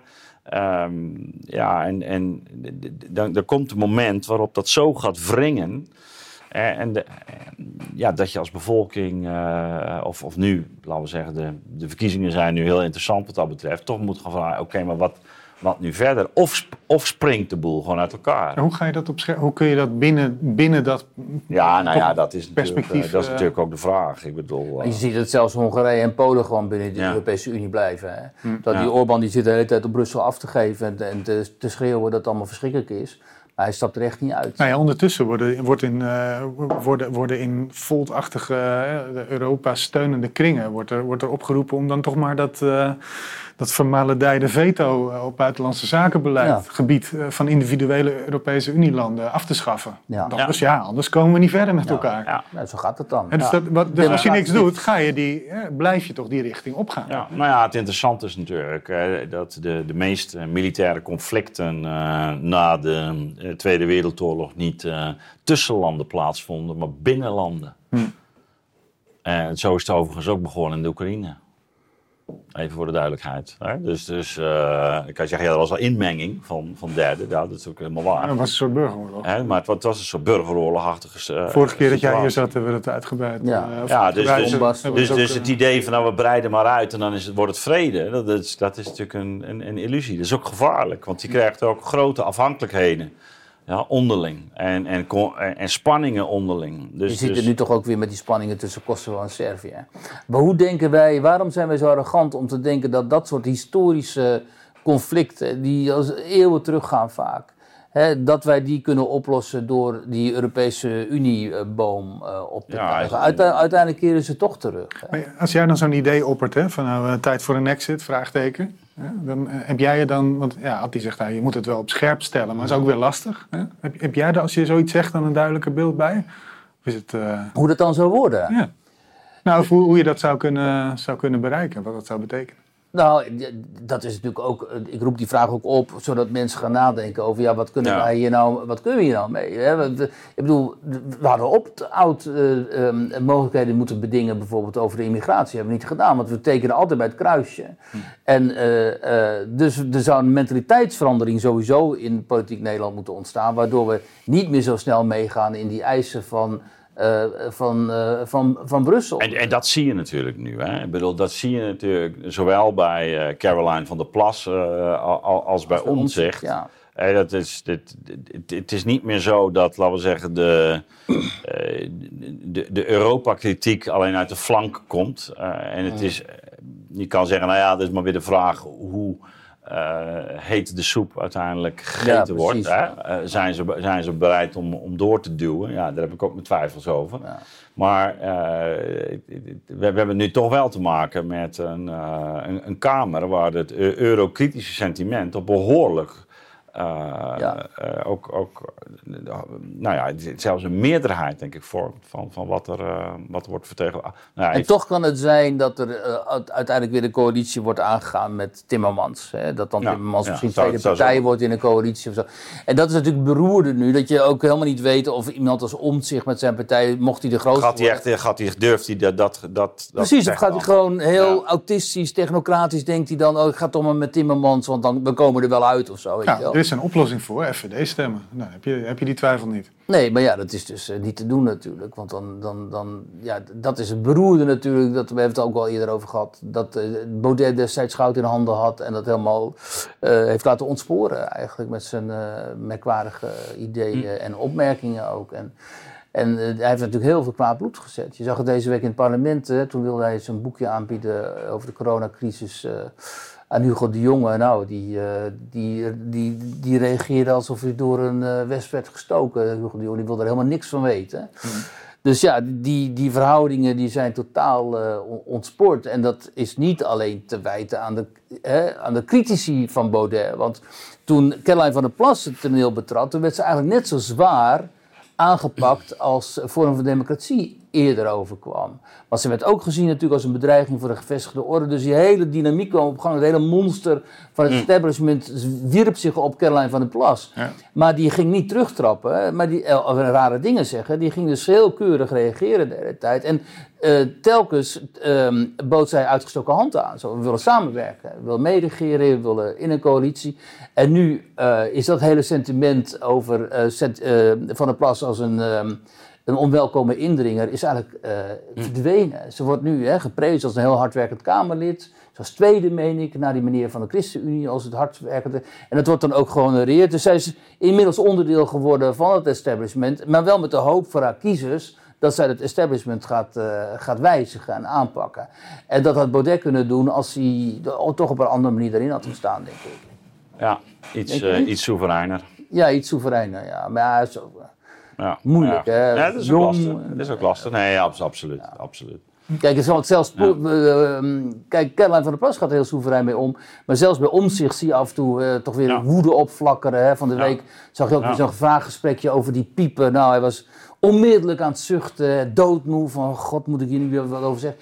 Dus het is ook heel moeilijk. Ik vind het ook ergens wel, ik vind het stiekem ook wel leuk als iemand gewoon geen zin heeft in al die, in dat, In dat in dat soort shit. media geneuzel, Ja. weet je wel. Van, komt er zo'n vraag, maar vindt u dat dan niet? Ah, Ja. Nee, dan denk ik ook verder. Ja. Ja, prima. maar je kunt het je eigenlijk niet veroorloven. We hebben, we hebben nog heel even, misschien toch als, als, ehm, Uitsmijter. ja, als, als klap op de vuurpijl zou ik bijna zeggen, maar dat is wel heel cynisch. Ehm, eh, hoewel, stiekem ook wel grappig, want jij hebt het over allerlei bomaanslagen. Ja. Ehm, wilde jij het nog even hebben? En ook in verbinding met, we, we hebben eh, natuurlijk Oost-Europa, eh, Oost-Duitsland, AFD, ergens een ondergraving ook van, dat, van het democratische stelsel op een Ja. bepaalde manier, op allerlei manieren hebben we besproken. Tegelijkertijd in Nederland, we hebben vorige week ook wel even over ondermijning gehad naar aanleiding van wat er in Rotterdam gebeurd was. Ja. Ehm, maar jij, ehm, ja, jij had toch ook nog een aantal, een, een, een boeketje met dat soort Nou gebeurtenissen. ja, wat, wat mij verbaast eigenlijk is hoe gelaten eh, de reacties zijn op het feit dat er in Nederland, in, eh, niet alleen in Rotterdam, maar ook Amsterdam, elders en nu ook in provinciesteden, bijna na- dagelijks, s'nachts, eh aanslagen plaatsvinden. Dus eh, explosieven die afgaan, er wordt op mensen geschoten. Eh, er vinden afrekeningen plaats binnen het criminele milieu. Afgelopen eh, deze week ook weer eh, explosies bij een advocatenkantoor in Den Haag, meen ik. Dat is pure ondermijning natuurlijk. In Oost, Oost-Groningen rond Winschoten speelt zich een bendeoorlog af. Ehm, dat was, ik bedoel, ik heb in de jaren tachtig gewoon gestudeerd. Het was natuurlijk onmogelijk in die tijd dat zich destijds zoiets daar zou, zou voordoen. En nu gewoon met zware aanslagen en zo. Dus, en, In en de bevolking, in Oost-Groningen, ja. En de bevolking reageert er heel gelaten op, de media vind ik ook. Terwijl eh, dit is pure ondermijning natuurlijk van de, van de Nederlandse rechtsstaat. En, en, dit nog eens een keer in samenhang met die massale immigratie, waardoor er in Ter Apel een burgerwacht eh, is gaan optreden, die dan eh, achter asielzoek, nou immigranten aangaat en zo. Dus die rechtsstaat in Nederland, die, staat, die is zo aan het wankelen. En het is natuurlijk begonnen met die mokromafia en eh Taghi en noem maar op. En, eh, maar je ziet nu de afsplitsing van tot en met fatbike-bendes van jongetjes van 13, 14...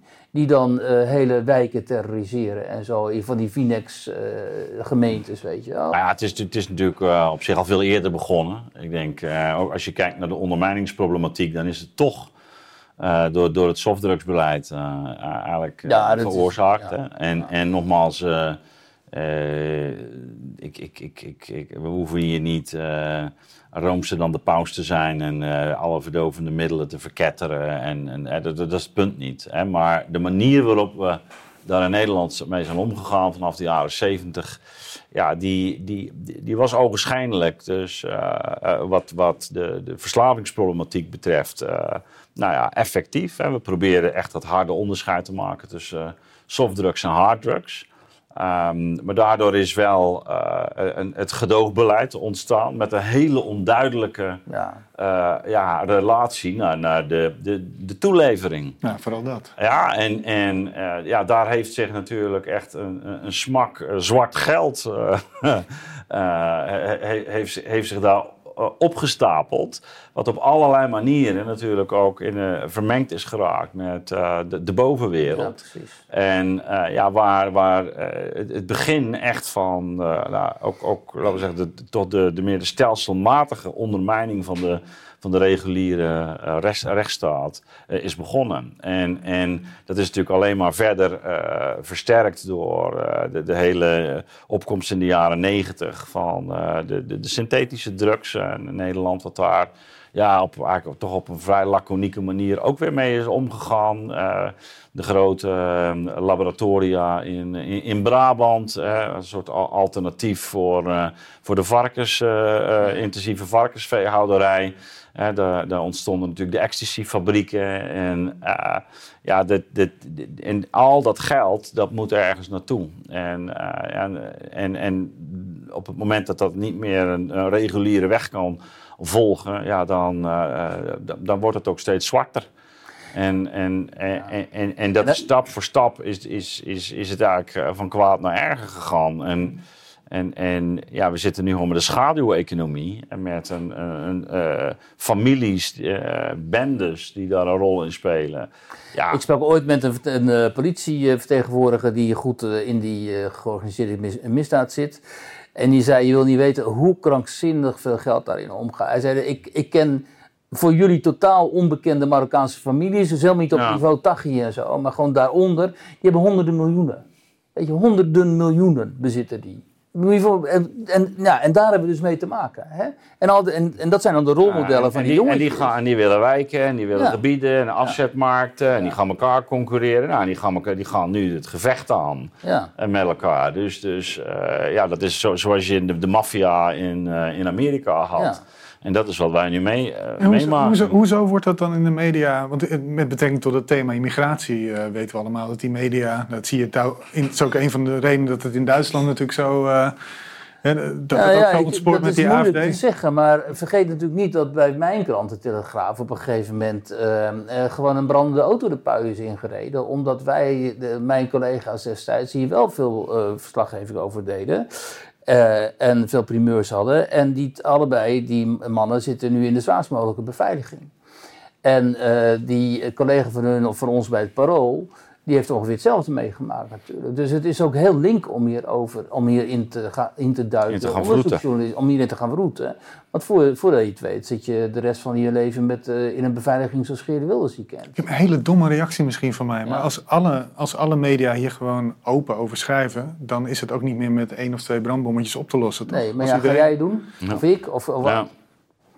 Ja? Nee, helder. Maar, de, daarom is misschien, maar als dat zo is, als iedereen daar gewoon open over is of daar vragen maar over wat Kijk, dit is wel interessant. Hè? Uh, en, de, en, ik vind het ook belangrijk, ook in, in relatie tot uh, onze overheid en de, het thema van, van overheidsgezag. we zijn natuurlijk geneigd om heel erg naar die overheid te wijzen.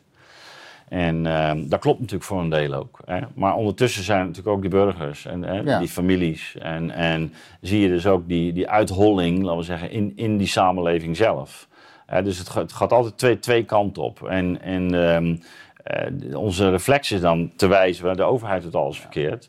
Uh, is, is niet helemaal onwaar, maar er gebeurt ook aan de andere kant uh, minstens in, in, in dezelfde mate het, het, hetzelfde. En misschien nog wel erger, want daar wordt echt natuurlijk met het leven gesold. Ja. dus, dus uh, ja, kun je zeggen, ja, dat zich af en toe in de toeslagenaffaire ook. Oké, maar dat is toch wat anders nog dan een criminele afrekening. En, uh, dus, dus, maar, en, maar dat begint natuurlijk al op het niveau van hoe voeden, voeden, voeden ouders hun kinderen op. Nou, we hebben vorige, keer, vorige week natuurlijk ook de kwestie besproken van fout die doordraaien. Dus ik kan, kan beter runner worden dan dat ik een medische opleiding ga doen. En dat, kijk, dat is natuurlijk, dat zijn hele gevaarlijke signalen. Van als het gewoon loont, als misdaad loont. Hè, en, en, jongeren zien dat en ouders doen er niks tegen. En ja, ga dan maar, maar zo als overheid uh, uh, de, de, de orde handhaven. Dat is, dan wordt het ook dweilen met de kraan open. Dus dit moet je maatschappelijk ook met elkaar doen. Hè. de criminalisering van de samenleving heb ik natuurlijk letterlijk meegemaakt in Rusland in de jaren negentig. Toen de overheid wegviel eigenlijk na de, na de val van de muur. De, de, overheid functioneerde niet meer, werd deels zelf crimineel. En, de, en de criminelen namen die samenleving over. En je zag het gewoon op straat. Je zag die bendes gewoon rondrijden. Je ging naar een café, je zag mensen met pistool op zak en zo. Dus het was totale wetteloosheid daar.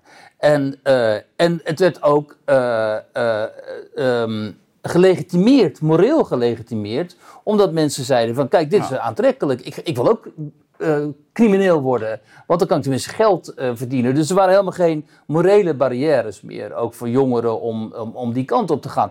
En dat zie je nu dus in, binnen bepaalde groepen hier in Nederland eh, ook. Die jongeren, al die fatbikes en zo, die zien geen hebben geen enkel moreel besef meer, geen moreel kompas meer. En als dit voort blijft duren, als de overheid niet die ruimtes teruggrijpt en niet ook monopolie op het geweld terugclaimt en zo, ja dan ik heb gezien in Rusland destijds waar dat toe kan gaan leiden. Weet je wel. Dat is Ja, en, en wat ook, ook wat dat betreft is denk ik heel de ontwikkeling hè, met, met, met Oekraïne en wat we gezien hebben met eh, voormalig eh, Oostblok. eh, eh, niet niet, niet het meest gelukkig, want wat er gebeurt, hè, kijk maar naar zo'n film als Peaky Blinders. Als de, als de jongens terugkomen van het front Ja, hè, en die hebben eh, dit soort heftigheden meegemaakt. Ja. Ja, die hebben geen, geen, toesp- eh, of ze, geen toekomstperspectief of ze lijden aan allerlei posttraumatische stressstoornissen. Eh, de kans dat daar dus eh, eh, ma- mafioze Ja. eh, netwerken ontstaan, eh, die met de wegvallende grenzen in Europa eh, overal rondtrekken en van mensenhandel en verdovende middelen en wapenhandel. Ja, dat, dat, dat is... eh, dat is Dat, dat illustreert ook de grenzeloze domheid van die Brusselse bureaucraten. Hè? Dat ze dan zeggen, we gaan Oekraïne opnemen Ja. in de Europese Unie. Je, wat je zegt, daar gaan tienduizenden totaal getraumatiseerde mannen rondlopen... die nergens meer voor terug zullen deinzen, want die hebben alles meegemaakt, alles gezien. Ja. Er gaan enorm veel wapens in die samenleving in omloop eh, raken. En dan gaan wij zeggen, weet je wat, goed idee, kom bij Europa. Weet je. Ik bedoel, hoe, hoe dom ben je dan? Hè? Dat, je, dat daar niet over na wordt gedacht, weet je. Dat, dat land ligt zo meteen eh, economisch, moreel, compleet in puin. Net zoals dat Rusland Je, je, zal het moeten helpen natuurlijk, maar daar moet je ook Ja. zo voorzichtig zijn om, Ja. om, om, om ze eh, in, in, in deze geweldspiraal te jagen. Precies. Want dit, dit trekt een spoor van decennia door een land. We hebben het bij de Joegoslavische maffia ook gezien. Ja.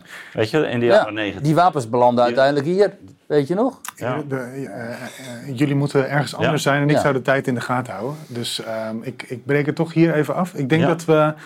We hebben, we hebben een beetje een wervelend gesprek vandaag gehad. Ja, het is, liep, liep anders. We hebben een aantal dingen niet besproken. Maar ja, eh, dit, dit is de dynamiek die tussen Wiert en mij en jou eh, ontstond. Ja, Dus, maar ik vond het ook heel mooi. En ik Ja, denk hoor. dat het Ja. ook eh, een heel mooi vervlochten, ja, vervlochten problematieken ook. Hè. En ehm, ja, ik denk wel de kern van waar we nu voor staan met elkaar. Orde Dus, op eh, zaken stellen, dat moeten we. Orde op zaken stellen. Ja, Maar wie gaat het doen? ja Dat maar is wie gaat het eh, doen? Precies. Ja.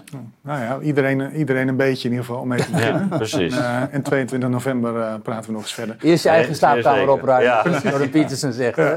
Hey, Ja. eh, heren, mag ik jullie heel erg bedanken voor een mooi, eh, voor een mooi gesprek. Ja. dat je er weer was. Dankjewel. Eh, en u allen heel Ja, erg trouwens, is wel, ik, ik, ga je onderbreken nog. Ik, nu, nu je dit zo noemt, hè. Eh, eh, eerst je eigen straatrommel opruimen. Ja, ik, ik- vanaf dat ik ging studeren, maakte ik 's ochtends mijn bed altijd op. En dan hoorde ik Oh. Jordan Peterson. eh, en ik heb echt die, die Jordan Peterson zeggen, dat is eigenlijk een kosmische act. En dat is zo. Ik, ik herken het ook. Hè, want het is, je schept orde in Ja, chaos. Ja. Dus het is een, eh, een fijne manier om op te staan. Dus als mensen nu nog in bed liggen, maak eerst je bed op. Nou, u heeft het alle gehoord. Ad zegt, ja, maak uw bed op.